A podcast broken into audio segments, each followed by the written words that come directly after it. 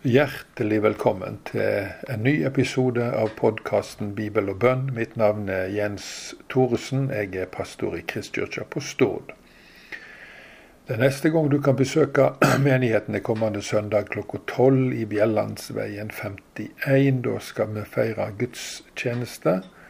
Og jeg vil da sjøl tale ut ifra Salme 25 vers 1-10, som er en svært, svært innholdsrik tekst.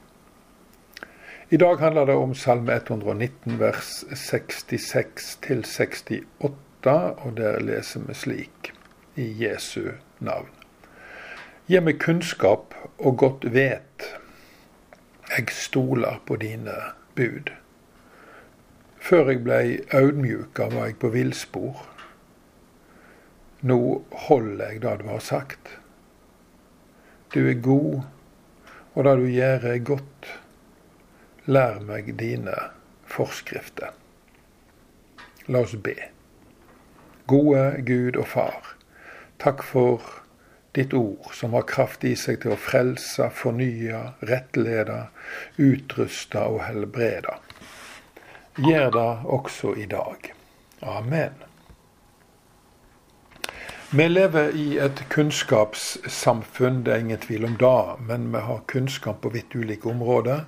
Noen vet mer, andre mindre, og slett ikke alle vet det samme. Og ingen vet alt. Strengt tatt er det veldig lite vi vet når vi tenker på hvor mye det er å vite om alt mulig. Den som innser det, har godt vet.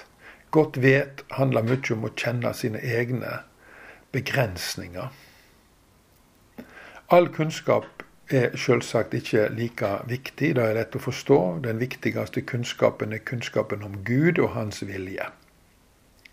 Jesus sier i Johannes evangelium kapittel 17 og vers 3 at dette er det evige livet, at de kjenner deg, den eneste sanne Gud, og han du sendte, Jesus Kristus. Her snakker han altså om seg sjøl. Å kjenne Gud er det samme som å ha kunnskap om Han ut fra åpenbaring. Den hellige ande som Jesus sendte til oss på pinsedagen, jobba i verden gjennom kirka og Bibelen, og han kobla våre hjerter med Guds når vi åpner oss for Jesus Kristus. Når våre hjerter blir kobla sammen med Guds hjerte, fyller han, fyller han oss med sin kjærlighet vi kjenner oss elska av den evige Gud, og vi har lett for å elske våre medmennesker. Det går nærmest som en lek.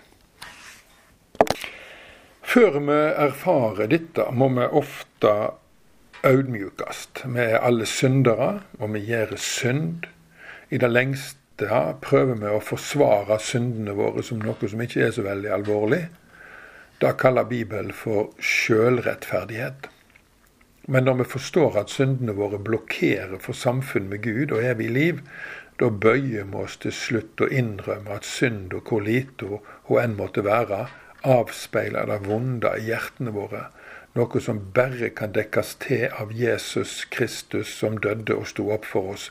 Når vi tar imot Jesus som Herre og Frelser, blir alt det vonde og all skyld vekke for Gud.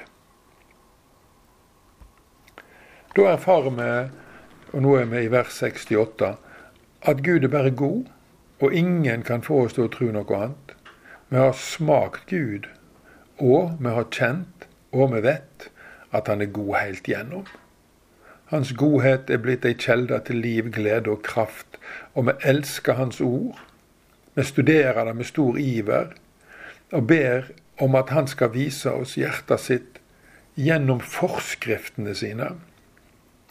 For dersom vi ikke får tak i Guds hjerte, som er i og bak Hans ord, har vi ingen nytte av dette ordet. Dersom vi tar det 100% seriøst uten å kjenne Guds hjerte, da blir det til at vi lever hyklerisk.